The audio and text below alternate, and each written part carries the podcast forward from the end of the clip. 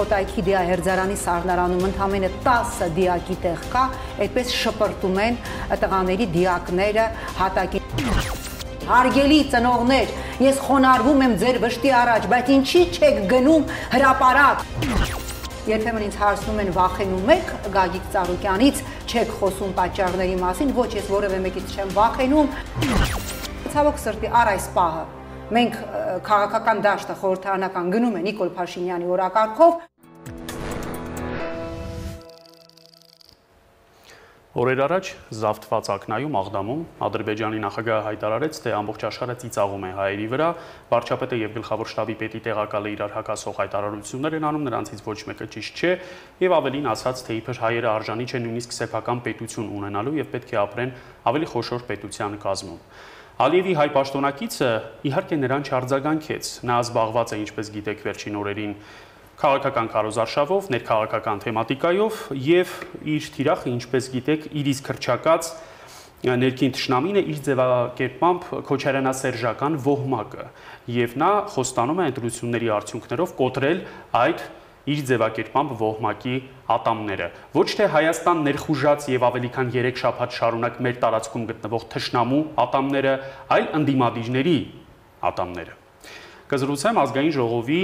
падգամավոր Նաիրա Զոհրաբյանի հետ։ Բարև ձեզ, Տիկին Զոհրաբյան, շնորհակալ եմ հրավերն ընդունելու համար։ Ես մի պահ դադար տվեցի, քանի որ տարիներ շարունակ ավանդաբար ձեզ ներկայացնում եմ Բարգավաճ Հայաստան խմբակցության անդամ, մի քիչ էլ անսովոր է ձեզ ներկայացնել իբրև падգամավոր, անկախ падգամավոր, թեև խմբակցությունից դուրս գալու կարդ կարծես չկա, քանի որ խորհրդարանը արդեն լուծարված է։ Լուծարված խորհրդարանից դուրս գալու իրավական մեխանիզմ չկա, ամեն դեպքում ես այո ինձ համարում եմ անկախ падգամավոր։ Մենք խոսենք դեր ձեր եւ Բարգավաճի ապահարզանի մասին, բայց մինչ այդ շատ ավելի կարևոր թեմա ունենք։ Մենք երեք բոլորս փոթորկվեցինք այն ահասարսուր լուսանկարներով, որ տարածվեցին Աբովյանի իրի այերձարանի նկուղից գետնա քարշ վիճակում ուղակի մեր հերոսների աչյունները զարհուրելի էր իրոք։ Ես գիտեմ, որ դուք այսօր այցելել եք Աբովյան եւ որոշ ճշգրտումներ ունեք, խնդրում եմ ասեք։ Այո, այո, շատ կարճ անդրադառնամ, այո, սարսափելի էր դիակները երեք որ ցելոֆաններով գծված էին Աբովյանի դատաբժշկական առողջապահության նախարարության դատաբժշկական փորձագիտական կենտրոնի կոտայքի մասնաճյուղում Այսօր ես այցելել եմ այդ մասնաճյուղ, գիտեք, հերվից արդեն այդ զարհուրելի հոտը գալիս է։ Ես դուրս եմ եկել այդտեղից եւ անընդհատ ինձ թվում էր, թե այդ հոտը ինձ հետապնդում է։ Իհարկե, այդտեղ արդեն հատակին գծված դիակներ չկային, ինչ է եղել իրականում։ Ուրեմն դիակները պահվել են Մեծ ամորի դիահերձարանում։ Մայիսի 27-ին Մեծ ամորի դիահերձարանի սառնարանը վնասվել է, դեպիս Մեծ ամորի դիահերձարանում եղել է վերջերս, բացել եմ սառնարանը, այնտեղ իրենք այսպես դարակների, նույն զարհուրելի է ասել, դարակների վրա շարված էին։ Այդտեղ թե դիմացը կայանված Բեռնատար սառնարանում։ Բեռնատարն ու Բեռնատարներում էլ կային այս պահին դեռևս Սպայկայի, այնտեղ կային 5 Բեռնատար, այս պահին արդեն 4-ը բեռնատարները դատարկված են, մի բեռնատարը դեռևս դիերով լիքն է, եւ քանի որ մայիսի 28-ին Մեծամորի դիահերձարանի սառնարանը վնասվում է, դիակները տեղափոխում են տղաների թվով 44 դիակ եւ մասունք տեղափոխում են Կոտայքի դիահերձարան եւ քանի որ Կոտայքի դիահերձարանի սառնարանում ընդամենը 10 դիակի տեղ կա, այդպես շպրտում են տղաների դիակները հատակին այսօր արդեն որևէ այնտեղ ես անկեղծ կա, ոչ ոչինչ ոչինչ չկա, անկեղծ ասած ես հիմա չեմ ուզում մեղադրեմ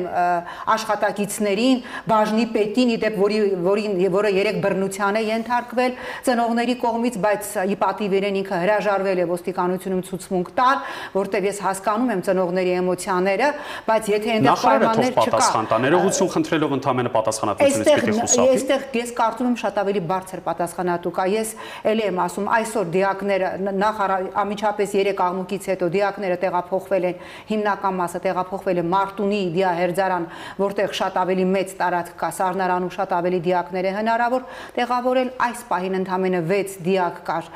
կոտ Մոտայքի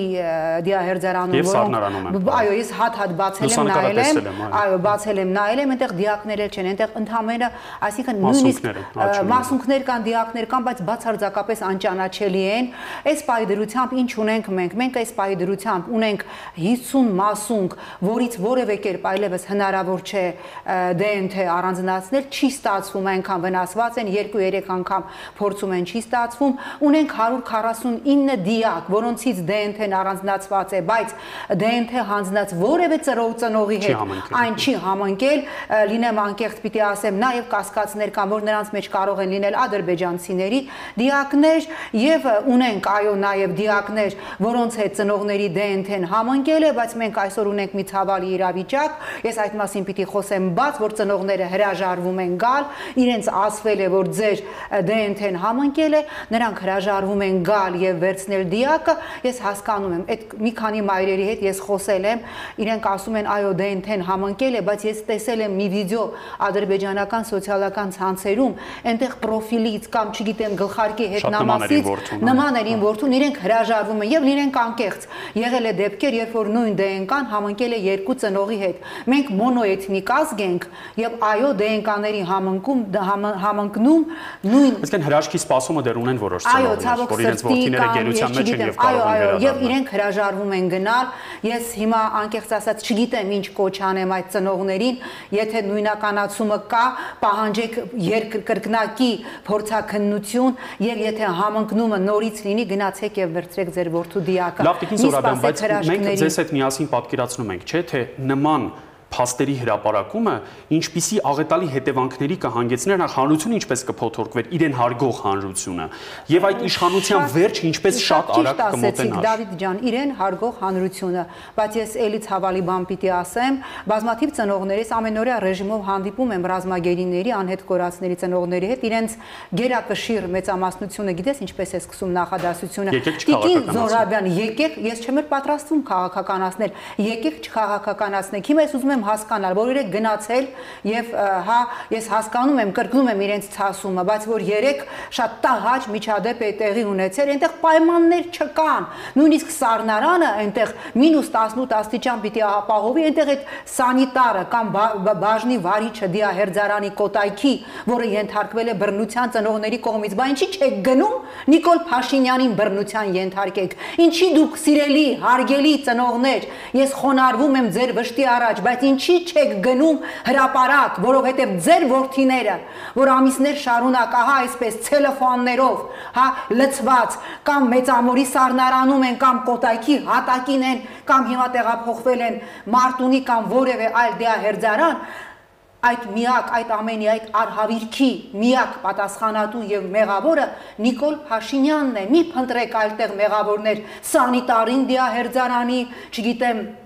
բաժնի վարիչին իդեպ Նույն կերպ գերիների բարեկամները Տկին Զորաբեն հարյուրավոր գերիներ ունենք 5-6 օր առաջ ունեցանք հերթական 6 մեր փաստորեն ռազմագերիները որոնք զինծառայողներ էին ուր են նրանց բարեկամները լավ հազարներով պիտի հեղեղեին փողոցները ուր են այդ մարդիկ այո այո ես հանդիպում եմ նրանց նրանք էսպես լուր հանգիստ միգուցե ես ել եմ ասում հիմա շատ հեշտ է խոսել երբ որ այդ վիշտը իհարկե քոնն է բայց դու ամիջապես այդ ցավի կրողը չես ես չեմ հասկանում իրենց ես չեմ հասկանում իրենց իրենց լրությունը։ Այո, մենք մոտավորապես 300-ը, որ հաստատված կեսը ենթադրյալ, կեսը հաստատված։ Այո, 3 կին, այդ թվում ենթադրյալ մենք ունենք Գերի, Էլզա Սարգսյանը, Անահիտ եւ նրա Անահիտ Թունյանը եւ նրա մայրը, այո, մայր եւ դուստր, դրանք ենթադրյալ ռազմագերիներ են, գերիներ են կներեք քաղաքացիական անձիկ, չկան։ Ոնց Ադրբեջանը սկսում է դատել արդեն իր օրենքներով, իբրև դիվերսանտ սկսում է դատել։ Իբրև դիվերսանտ արդեն գիտեք երկուսի հանդեպ դատավարությունը եղել է։ Ես նորից եմ կրկնում, սիրելի ծնողներ, հիմա ես այլևս կարող եմ շատ հանգիստ ձեզ դիմել այդ կոչով, որովհետև հիմա դուք ինչ չեք կարող մեղադրել, որ այ փորձում է մեզ ուղղորդել, փորձում է մեզ տեղափոխել քաղաքական դաշտ։ Ինչ-ինչ ես կուսակցական չեմ, ես որևէ քաղաքական ուժի քարոզարշավին չեմ մասնակցում, ես ձեզ ասում եմ, ձեր ворթիներին պահանջեք Նիկոլ Փաշինյանից։ Դուք հրաապարակից տուն չպիտի գաք։ Նիկոլ Փաշինյանը չպիտի կարողանա այսպես անարգել գնա եւ անհեթեթություններ դուրս տա հանդիպումների ժամանակ, հա, ծափահարությունների ներքո, չգիտեմ, ատամնաշարքը ջարդեմ, ողնաշարքը ջարդեմ եւ չպիտի փորձի կրկին մանիպուլացնել ատելության եւ թշնամանքի նարկոտիկի վրա նստած հասարակության մեջ։ Կար ժամանակ ունենք մի քանի կարևոր թեմա։ Ձեր քաղաքականուց չներկայաց չներկայացնելու մասին։ Խնդրում եմ բացատրեք 15 տարվա ձեր կուսակցական գործունեությունից հետո Բարգավաճ Հայաստանում։ Դուք այդ կուսակցության դեմքերից մեկն եք, հենասյուներից մեկն եք։ Ինչ պատահեց, ինչու դուք։ Գիտեք, ես ասել եմ, ես չեմ խոսելու պատճառների մասին, բայց ես պիտի ասեմ, որ այդ որոշումը ինձ մոտ վերջի ամիսների որոշում էր, դա չի եղել 1 օրվա, 2 օրվա եւ իմ գործընկերներից շատերը գիտեին, ես իրենց տեղեկացրել եմ վերջի ամիսներին, որ ես չեմ կարողանում այլևս, ես պատճառների մասին չեմ խոսելու, որովհետեւ երբեմն ինձ հարցնում են վախենում եք Գագիկ Ծառուկյանից, չեք խոսում պատճառների մասին, ոչ ես որևէ մեկից չեմ վախենում, ոչ ոչ մի բանից չեմ վախենում, պարզապես ես հարգում եմ, հարգում եմ իմ անցյալը, եթե ես հիմա նստեմ եւ խոսեմ այն խնդիրների մասին, որոնք ինձ անհանգստացնում էին, որի հետ ես ունեի անհամաձայնություն, դիսկոմֆորտ, ես չեմ հարգի իմ անցյալը։ Բարգավաճ Հայաստանի դուրը ես ինձ համար փակել եմ, ես երբեք չեմ փակում դռներ, որոնք ինձ համար անցյալ են։ Գագիկ Ծառուկյանի հետ իդեպ նաեւ ասեմ ինչ որ տարատեսական հետ հետ խոսակցություններ են շրջանառում, որ ես չկայի ցուցակում դրա համար։ Ես որտեղի կռիվ եք տվել այդ մասին շատ խոսում։ Ուզեցել եք երրորդ տեղը ձեզ չի տվել։ Դա անհեթեթություն է։ Ինձ հետ ընդհանրապես որևէ խոսակցություն չի եղել ամիսներ շարունակ։ Դուք վերջին անգամ երբ եք հանդիպել։ Երևի թե հունվարի վերջին փետրվարի սկզբին։ Այո, այո, այսինքն մեր վերջի խոսակցությունը եղել է ամիսներ։ Ամիսներ շարունակ կուսակցության աշխատանքներին ներգրաված չեք եղել։ Ընդհանրապես խմբակցության աշխատանքներին։ Այսինքն ձեզ չեն ներգրավել, հա, Տիկին Զորադան, ոչ թե դուք ձեր կամքով չեք գնացել։ Դա ես կարծում եմ եղել է երկուստեք, երկուստեք լռելային համաձայնությամբ։ Ես հասկացա, որ իրենք ցանկանում են, որ ես չլինեմ, իրենք հասկացան, որ ես ցանկանում եմ, որ ես չլինեմ։ Պատճառը ձեր կոշտ քննադատությունների իշխանության իսկ Բարգավաճ ավելի լոյալ է, դա է պատճառը։ Ես չեմ կարող պատասխանել իրենց մոտիվացիան որն էր, որ ես չլինեմ, բայց իմ մոտիվացիաների մասին ես չեմ խոսելու, բայց ես կարծում եմ, որ երկուստեք շահերը համընկնա, համընկավ, իրենք ուզում էին, որ ես չլինեմ, ես ուզում էի, որ ես չլինեմ։ Դեք ես հիշեցի ամիսներ առաջ երբ հանդիպեցինք այստեղ եւ երբ ես դες ասացի, ես հասկանում եմ, որ Բարգավաճ Հայաստանի անունից դուք լավագույն խոսնակը չեք, այն ժամանակ ես արդեն կանխատեսում էի, որ դուք շատ շուտով Բարգավաճ Հայաստանի ցուցակում չեք լինի կամ այդ կուսակցությունում ընդգրկված չեք լինի եւ եւ փաստորեն դա իրականացավ։ Դուք հիմա չեք առաջադրվել Տիկին Զորադը։ Ոչ, ոչ, լինեմ անկեղծ, եղել է առաջարկ, եղել է առաջարկ, եղել է քննարկում, առաջարկ քաղաքական ուժի կողմից, որը միանշանակ անցնելու է խորհրդարան, չեմ տալու քաղաքական ուժի անունը, որովհետեւ մենք շատ բարեկամաբար բաժանվեցինք, ես ասել եմ, որ այս փուլում ես պիտի վերցնեմ time out։ Դուք տեսաք արդեն մենք արեցինք հայտարարություն իմ ընկերների, իմ գործընկերների հետ, Նարեկ Սամսոնյանի, Ռուբեն Մելիքյանի, Աղասի Ենոքյանի։ Մենք ստեղծում ենք եւ Անահիտի Սարգսյան, հրաշալի փաստաբան, մենք ստեղծում ենք ընտրությունների վերահսկման կոմիտե, որովհետեւ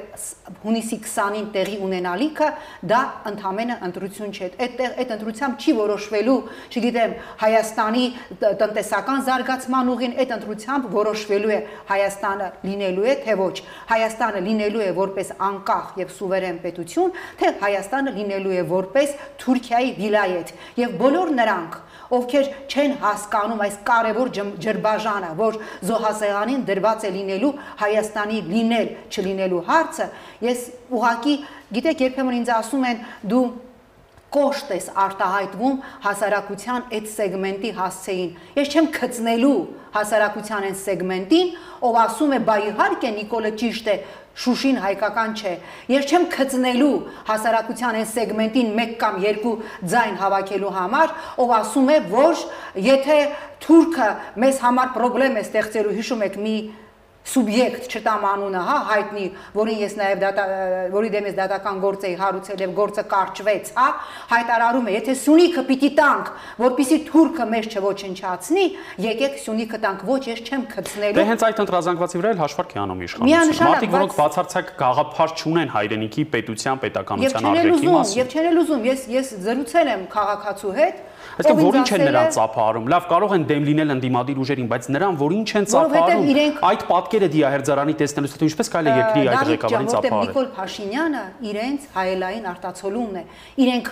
իդեմս Նիկոլ Փաշինյանի ահա այդպիսի մտածող յուրաքանչյուր մեկը մի կին, որ ով ընդամենը օրեր առաջ ասում է՝ «Տիկին Զորաբյան, մի քննադատեք էլի Նիկոլին, իդեպ շուկայում, երբ որ ես բանջարեղեն էի գնում, ասում էր՝ «Այ հիմա տեսնում եք պամիդորի գինը ինչ է»։ Իսկ եթե Թուրքիան, թուրքական ապրանքը մտնի Հայաստան, մենք այս պամիդորը, որ հիմա առնում ենք 500, 600 կամ 900 դրամով, առնելու ենք 100 դրամով, այսինքն իրենք մտածում են այնպես, երբեմն ասում են, չէ, իրենք չեն հասկանում, ոչ, իրենք լավ հասկանում են։ Եվ երբեմն ինձ հասնում են Եվ նրանք ընտրելու իրավունք ունեն ամենաաղետալին դա։ այո, ցավոք սրտի, ցավոք սրտի իրենք նույն ընտրական իրավունք ունեն։ Ես փորձել եմ նաև ուսումնասիրել համաշխարհային, հա, քաղաքակիրթ երկրների ընտրական կոդեքսը հասկանալու համար չգիտեմ ինտելեկտուալ IQ ինչ որ sense պիտի դրվի, որpիսի ասողը, որ եկեք Սյունիքը տանք, որ հանգիստ ապրենք, որ թուրքը մեզ չսատկացնի, չունենա նույն ընտրական իրավունքը, նույն ձայնը, բայց ցավոք սրտի Տիկին Զորաբյան, պիտի հիշենք,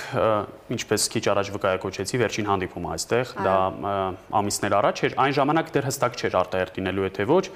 եւ անկեղծ լինենք, հիմա էլ դեռ հստակ չէ։ Մինչեւ հունիսի 19-ին երեկո ամեն պահ կարող ինչ-որ բան փոխվել այս իշխանության դեպքում։ Պիտի հիշեցնեմ մի դրվակ իշխանապողության հնարավոր սցենարներից մեկի մասին, որ այն ժամանակ դուք ասում եք եւ շարունակենք, խնդրեմ։ Ես չգիտեմ, քանի падգամավոր է մնացել իմ խմբակցությունը։ 83։ 83, ուրեմն 83 падգամավորի հետ հատ հատ ստորագրում եք հավատարմության հուշագիր, հա,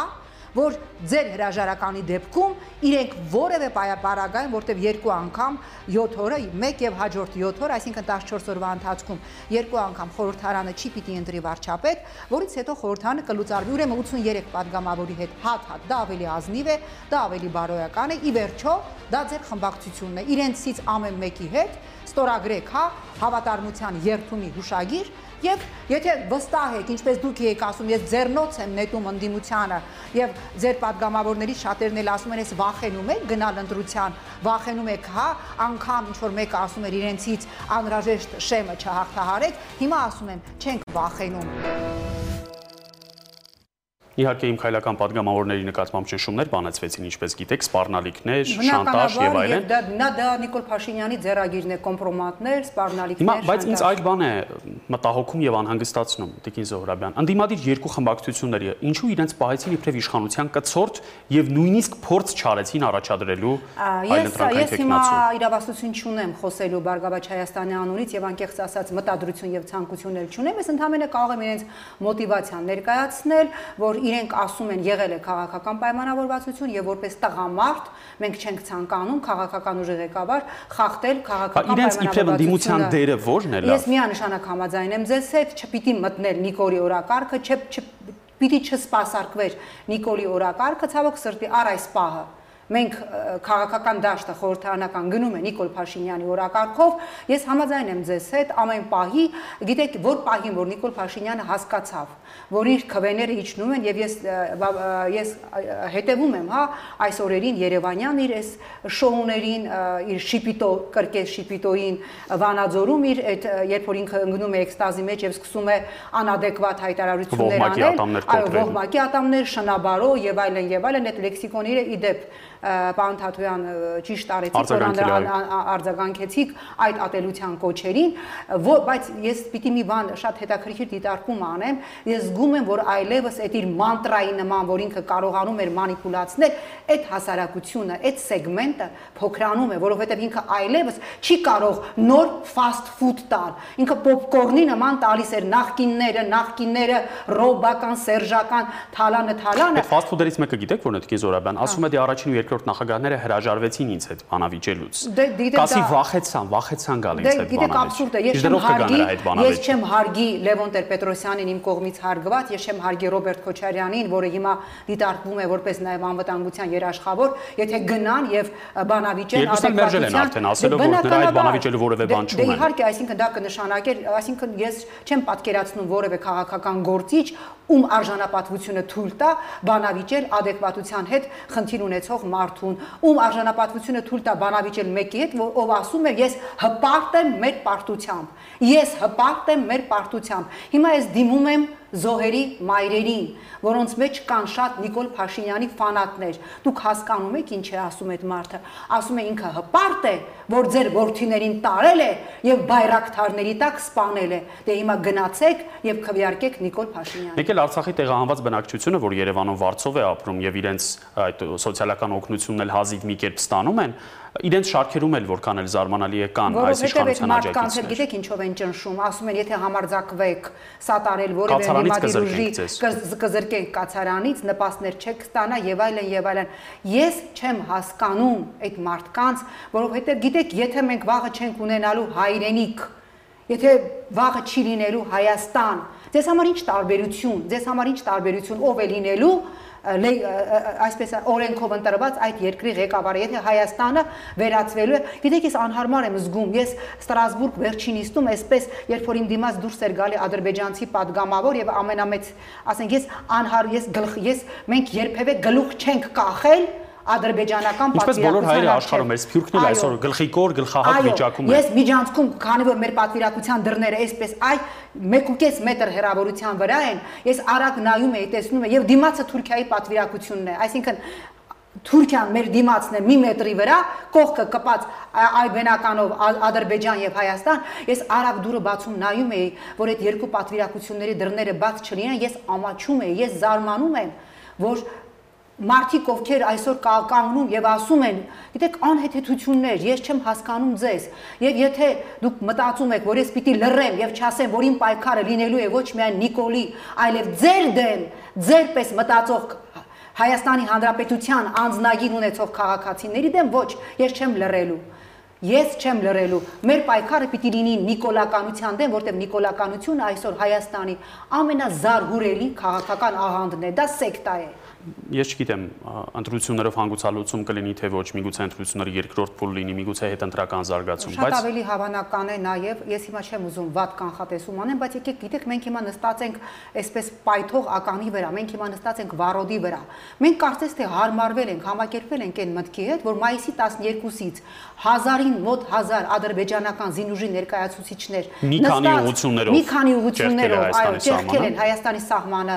արդեն տեղավորվում են տեխնիկապես ամրակայվում են իրենց թիկունքից սնունդ են ստանում տեխնիկան են ստանում մեր տարածքից գերիներ են տանում մեր տարածքից մտնում են պահպանության տարածք հասկանում եք զինված ուժերի պահպանության տարածք զինաթափում եւ գերեվարվում են եւ մենք հիմա ապրում ենք այս իրավիճակում մենք մոռացել ենք այլևս այդ 6 գերիներին որոնց հանդեպ ըստ ամենայնի որտեղ արտաքին գործ գործերի նախարարությունը հայտարարություն տարածեց, որ նրանք դիվերսանտներ են, որ փորձում էին ականապատել եւ այլն տեխնիկական գործողություններ կատարել եւ ակնհայտ է արդեն որ նրանց հանդեպ քրեական գործ է հարուցվելու, մեղադրանք է առաջադրվելու եւ կարծես թե գիտեք, ինձ մոտ տպավորություն է, թե մենք ապրում ենք վիրտուալ իրականությունների մեջ։ Մարդիկ բուկլետ են տպում, պլականտ են տպում։ Ես կրկնում եմ, ամեն օր կարող է լինել ֆորս մաժորի միտքը կիսատ մնաց, որ պահին, որ Նիկոլ Փաշինյանը հասկացավ, որ իր այդ կոդերը, հա, այդ նախկիններ կոդները, թալանը, թալանը, միջև վերջի լումա, շնաբարո դուրս բրծուկներ, կոդերը այլևս չեն աշխատելու հասարակության այնքան տոկոսի համար,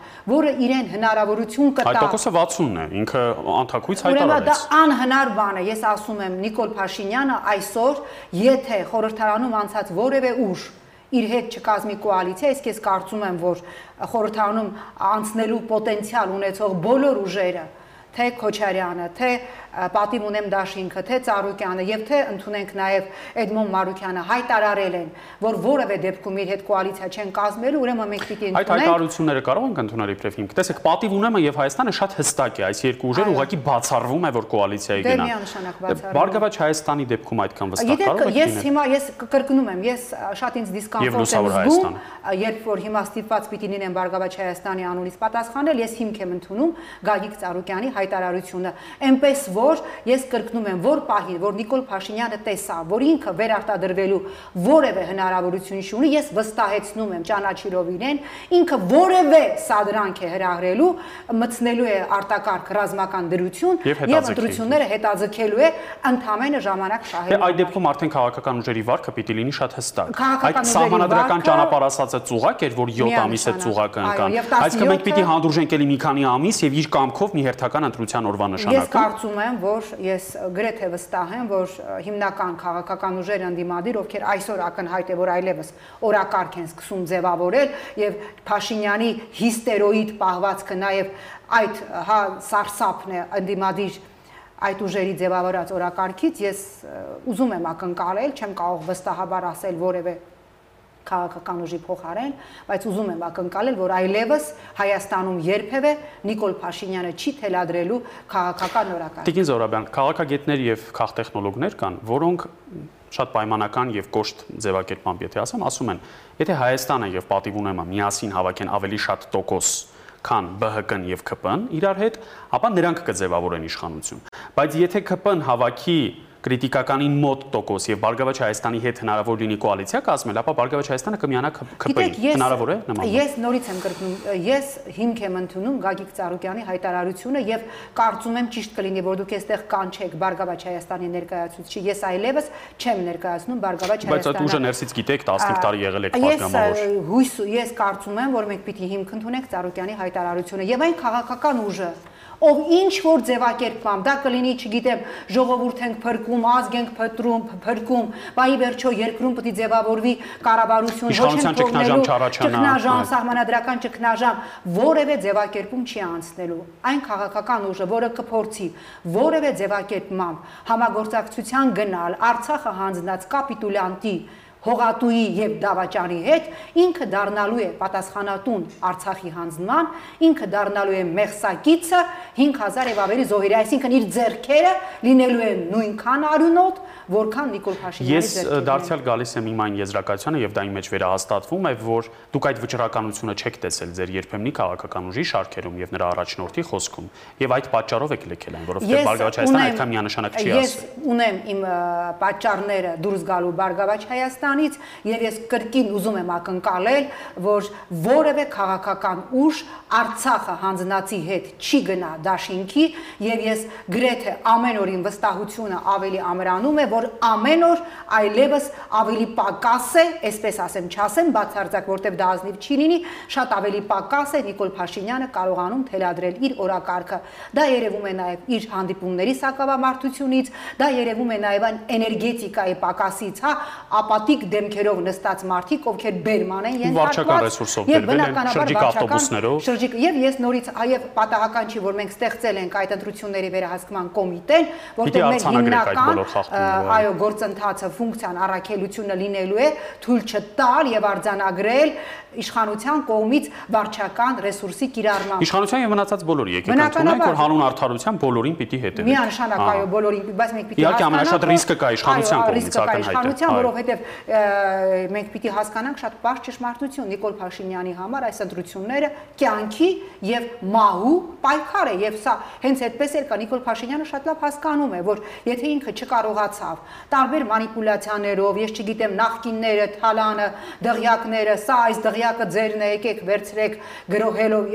չկարողացավ վերարտադրվել հաջորդ օրը նոր խորհրդարանական մեծամասնությունը կալանավորելու է Նիկոլ Փաշինյանին կալանավորելու է իմ քայլի քաղաքական էլիտային եւ ես շատ շնորհակ եւ դա դա կլինի ամենաարդար ճանապարհը, որտեղ դրա այլ ընտրանքը լինելու է հաշվեհարդարը։ Մենք չպիտի թույլ տանք, որ նրա, նրա ընտանիքի եւ քայլական քաղաքական խունտայի հանդեպ լինի քաղաքական Արարատ Միրզյանի օրը չգցեն, այլ օրենքի եւ արդարադատության հիման վրա ամենից իրականաց։ Ես ես կրկնում եմ, ես երևի այն քիչ մարդկանցից մեկն եմ, որ ինչ հնարավոր նողկալի արարք հնարավոր էր Նիկոլ Փաշինյանը իմ եւ իմ ընտանիքի հանդեպ արել է, բայց ես կանգնելու եմ Նիկոլի եւ Նիկոլի ու իր ընտանիքի հետ հաշվեհարդար որտեղ իսկ այդ թիվը շատ մեծ է մարդկանց տեսնողների արանքում, որտեղ Նիկոլ Փաշինյանը պիտի կանգնի արդարադատության առաջ, նա պիտի դատվի։ Տիկին Զոհրաբյան, երկրորդ դրվագը պիտի հիշեցնեմ ամիսներ առաջվա մեր հարցազրույցից։ Լավ։ Մենք այսօր մեկ միասնական հարցում ունենք կատարյալ կոնսենսուս։ Դա այն է, որ Նիկոլը պիտի հեռանա։ Մարտավարական հարցերում բնականաբար կարող են լինել տարաձայնություններ։ Դուք գիտեք, որ մի քաղաքական ուժ գտնում է, որ որևէ պարագայում եթե Նիկոլ Փաշինյանը չհեռանա եւ պաշտպանի, հա, պաշտոնակատարի պարտականությունները չի կարելի գնալ ընտրության, որովհետեւ ինքը կեղծելու է, որոշ քաղաքական ուժեր գտնում են, որ չի կարելի դաշտը թողել Նիկոլ Փաշինյանի եւ իր գրպանում գտնվող իր սատելիտ մարդ կուսակցություններին, ես այդտեղ համաձայն եմ եղավ այն սցենարով, որից զգուշանում էիք ամենաշատը, այսինքն ինքը իբրև պաշտոնակատար, որ իրավունքը սահմանադրության ուժով չի, կազմակերպում է ընտրություններ եւ տասնյակ մարդ կուսակցություններ են մասնակցում, որոնց կարգախոսները շատ անհասկանալի են, որոնք խնայում են բացի իշխան, այսինքն իշխանությունին իշխանությանը կպնելուց բացի մնացած բոլորին կարող են շատ հանգիստ թիրախավորել, ինչ որ ոչ նախկին, ոչ ներկա կարգախոսներ, իր համար սրանք մեծ հաշվով իդեալական ընտրություններ են Տիկին Զորաբյան պետք է ընդունել կազմակերպական, վարչական, ադմինիստրատիվ իմաստով սրանք իր համար իդեալական ընտրություններ են։ Պիտի համաձայնեմ ձեզ հետ, սա երևի թե ընտրվեց չարյած ոչ նվազագույնը, առավելագույնը ընտրվեց, որովհետև այո, չպիտի հասներ ընտրությունների։ Մենք հասկանում ենք, որ մենք իդեմս Նիկոլի ունենք բացարձակապես անկանխատեսելի մարդ, ով իր իշխանությունը պահելու համար պատրաստ է ամեն ինչի։ Դուք պատկերացնում եք օրինակ, ես ես ես նայել եմ այդ տարիներին ընթերցել եմ նաև այդ տարիների գրականությունը, կապիտուլյացիայից հետո դեռևս Գերմանիայում բավականաչափ մեծ տոկոս հանրություն սատարում էր Հիտլերը, եւ եթե Հիտլերը ինքնասպան չլիներ էր, այլ Նիկոլ Փաշինյանի նման գնար ընտրության, ես ձեզ վստահեցնում եմ, նա վերցնելու էր մեծամասնություն այդ ամիջապես, հա, եթե մայիսին ինքնասպան չլիներ, հուլիսին գնար ընտրության, նա վերցնելու էր մեծամասնություն։ Բայց արդեն օկուպացիոն ռեժիմում։ Այո, այո, օկուպացիոն ռեժիմում հասկանալի այո, հիմա Դա Հայաստանն է օկուպացված։ Ըստ էության Հայաստանը օկուպացված է, Հայաստանը օկուպացված է։ Մենք եթե քո տարածքում սուվերեն հազարից ավելի բոլոր դիրքերով, Սյունիքով, Գեղարքունիքով մտած նստած են եւ զորքից հրահանգված է չկրակել։ Զորքից հրահանգված է չկրակել։ Զորքից հրահանգված է, եթե գալիս են սիգարետ են ուզում եւ հաց են ուզում եւ ջուր են ուզում տալ, միջև թիկունքից իրենց բերել քաշվել։ Եթե դու ասում ես 3 ասում մենք հորդորում ենք նրանց հետ քաշվել։ Բա ինչ եղավ, իդեպ Գենշտաբը մի ժամ ժամանակ էր, չէ՞ տվել 5 օր առաջ, մի ժամ ժամանակ էր տվել ադրբեջան ադրբեջանական քաղաքական էլիտային գերիներին վերադարձնելու համար Գենշտաբ, որ չես տված Նիկոլ Փաշինյան եք ընդունում Նիկոլ Փաշինյանի հրաժարականը պահանջելուց հետո, բա այդ ձեր այդ մի ժամը ինչ չափային միավորով է չափվում, քանի լուսնային տարի է ձեր մի ժամը։ Գիտեք, սա абսուրդ է։ Այո, ցավոք սրտի Նիկոլ Փաշինյանը պիտի նոյեմբերի 10-ին գնար, դա կլիներ լեգիտիմ, դա կլիներ օրինական, դա կլիներ արդար Արցախը հանձնելու եւ զոհերի դեպքում, բայց մենք ունենք բացարձակապես անադեկվատ անznավորություն, ով հենվելով հասարակության այդ փոքր, ագրեսիվ, ատելության իմպուլսներով առաջնորդվող հատվածի վրա փորձելու է ապահովել իր վերարտադրությունը։ Տիկին Զորաբյան, ամենաանհանգստացնող ազդակները, որ այսօր մենք ստանում ենք տարբեր քաղաքական գործիչներից, նախ եւ առաջ առաջին նախագահից, որը բացայբաց այդ մասին խոսեց, ես էլ վերջին օրերին իմ բոլոր հյուրերին դա հարցնում եմ, քաղաքացիական պատերազմի վտանգն է։ Այդ վտանգը օթում կախված է, պետք է ընդունել։ Մարդիկ երբեք այսպես չեն ատել իրար, որքան հիմա, ընդ որում որքան մոտենում է ընտրությունը, այնքան բարեկամները, ընկերները, հարազատները իրար հետ սկսում են ամենաթուն անոտ եւ ամենավիրավորական պիտակավորումներով խոսել, նույնիսկ կարող է ձեռնամարտի բռնվեն արդեն, բանը հասնում է դրան։ Ես երկու օր առաջ վերնիսաժի մատույցներում ես եմ բաժանել, բաժանել եմ, բաժանել եմ Նիկոլական եւ Հականիկո եւ Ռոբերտ Քոչարյանի կողմնակից։ Մենք այս մտնոլորտում ինչպես ենք ընտրություն անում։ Ես երբ որ ես խոսում եմ, որ այսօր մենք ունենք ատելությամբ թունավորված ինտոքսիկացիայի ենթարկված հանրային օրգանիզմ, ինձ երբեմն ասում են դու չափազանցնում ես, ես չեմ պատկերացնում, ես այո ունեմ ամենավատթարագույն կանխատեսումները,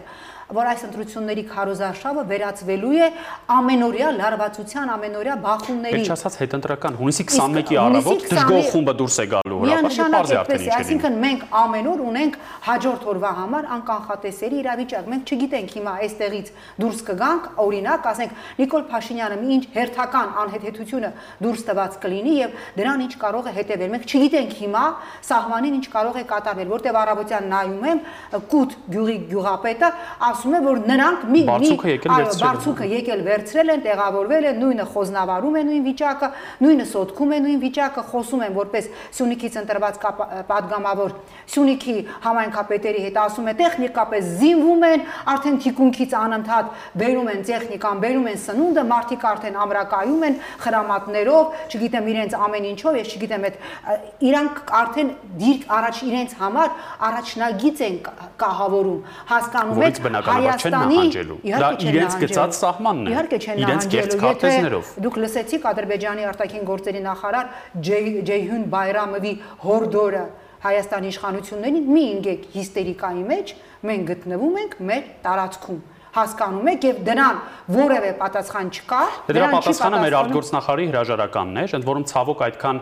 սուղ տեքստով ասաց Արա Այվազյանը, պետք է բացվածքով մենք իմանանք։ Բայց ըստ էության նախ ես շատ Ակնարկը པարզ է, բայց պիտի մանրամասները իմանանք։ Բայց ես կարծում եմ եւ ես նաեւ քանի որ տվեցի կարտակին գործերի նախարարի անունը, ես գիտեմ, որ այս պահին արտաքին գործերի նախարար, որտեղ այնտեղ լավ ունեմ ընկերներ, դիվանագետներ, ես հիմա դիմում եմ նրանց, ում վրա հիմա ճնշում են գործադրում, կարծում եք հասկացա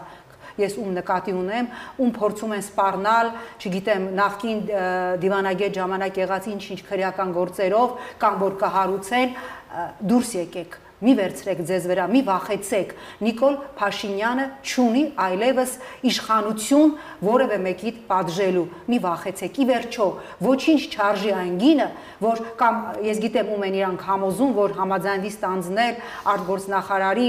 պաշտոնակատարի պարտականությունները, չանեք այդպիսի բան չանեք այդպիսի բան, որովհետև դուք դառնալու եք երկրորդ դավաճանության, որովհետև այն ինչ ինքը պատրաստվելու է ստորագրել, իսկ ինքը ազգային ժողովում բաց տեքստով ասեց, որ այո, ես դա ստորագրելու եմ, որովհետև դա 100% հայանպաստ Դրա քարոշչական նախապատրաստումը հանրային հեռուստատեսությամբ, ինչպես տեսնում եք, արդեն գնում է։ Մեզ սկսում են համոզել, որ Տիգրանաշենը, Բաղանիսը, Ոսկեպարը մերը չեն։ Դուք հիշում եք, երբ որ ես օրեր առաջ, իդեպ մի հարց, հարգելի Նիկոլա Պաշտ հանրություն, երբ որ Նիկոլը հայտարարում է, որ այո դա 100%-անոց հայանպաստ թուղթ է, հարց եմ տալի, այսինքն Ադրբեջանը գալիս է, գերեվարում է 6 զինվոր, Ադրբեջանը մտնում է Հայաստանի սուվերեն տարածք, որ Նիկոլին ասի, Նիկոլ, ոչ, դու պիտի ստորագրես այս 100% բխող ձեր շահերից բխող 100%-անոց այս փաստաթուղթը չի կարելի այդքան նայվ լինել։ Այո, երբ որ ես օրեր առաջ իմ էջում իդեպ 3 հարցականով գրեցի, արդյոք խաղաղության գինը այդ ստորագրվելիք փաստաթղթի գինը կարող է լինել Տիգրանաշենը, հիշում եք Նիկոլ Փաշինյանը նույն օրը անվտանգության խորհրդում իդեպ նույնաբովանդակ մտահոգություն հայտնել էր եւ Հրանտ Բակրատյանը եւ Սյունիքի նախկին մարզպետ Վահե Հակոբյանը։ Եվ ձեզ երեքին ճշտամիներ կարգեցին։ Հենց ձեզ երեքին։ Այո, մեզ ասեց, որ կոչ եմ անում ազգային անվտանգության ծառայությանը զբաղվել իրենցով, որովհետեւ նրանք ադրբեջանական ազդեցության գործակալներ են։ Հիմա 3 մենք նայում ենք հանրային հերոստանգերությամբ Նիկոլի գրպանում գտնվող հերոստանգերությամբ Տիգրանաշենը հրճակվում է ադրբեջանական գյուղ եւ ըստ էության ինչ է ասվում լրագրողի տեքստում, որ սա եղել է մշտապես Ադրբեջանի տարածք եւ Արցախյան առաջին 92-ից ի վեր մենք ենք վերահսկում այդ տարածքը։ Այո, այսինքն ասածը այն էր, որ մենք ժամանակավորապես տված են զավթել ենք, զավթել ենք Ադրբեջանի սուվերեն տարածքը։ Հիմա Տիգրանաշենում ապրող իմ սիրելի հայրենակիցներ, ով է Հայաստանում Ադրբեջանի ազդեցության գործակալը։ Դուք վստահ եք, որ նրանց ձայնը լսելի կլինի։ Ես խորապես վստահ չեմ, ես չեմ տեսնում այդ մարդկանց բողոքի որևէ գործողություն, այն դեպքում, երբ մի քանի շաբաթից կամ մի քանի ամսից նրանց բնակավայրը փաստացի հանձնվելու է։ Մի քանի ամիս դուք շատ շատ երկար ժամանակ եք ասում, ես ունեմ տեղեկատվություն, հիմա ես որ դա այդ ստորագրումը լինելու է բավականին կարճաժամկետ։ Այսինքն մինչև հունիսի 25-ը հասնելու է դա։ Ես կարծում եմ, այո, մինչև հունիսի 20-ը։ Նրանից պիտի քաղեն առավելագույնը, որովհետև վստահ չեմ, որ նա կմնա հունիսի 20-ից հետո։ Իհարկե, որովհետև մենք հասկանում ենք, որ Ալիևը պրագմատիկ է, Ալիևը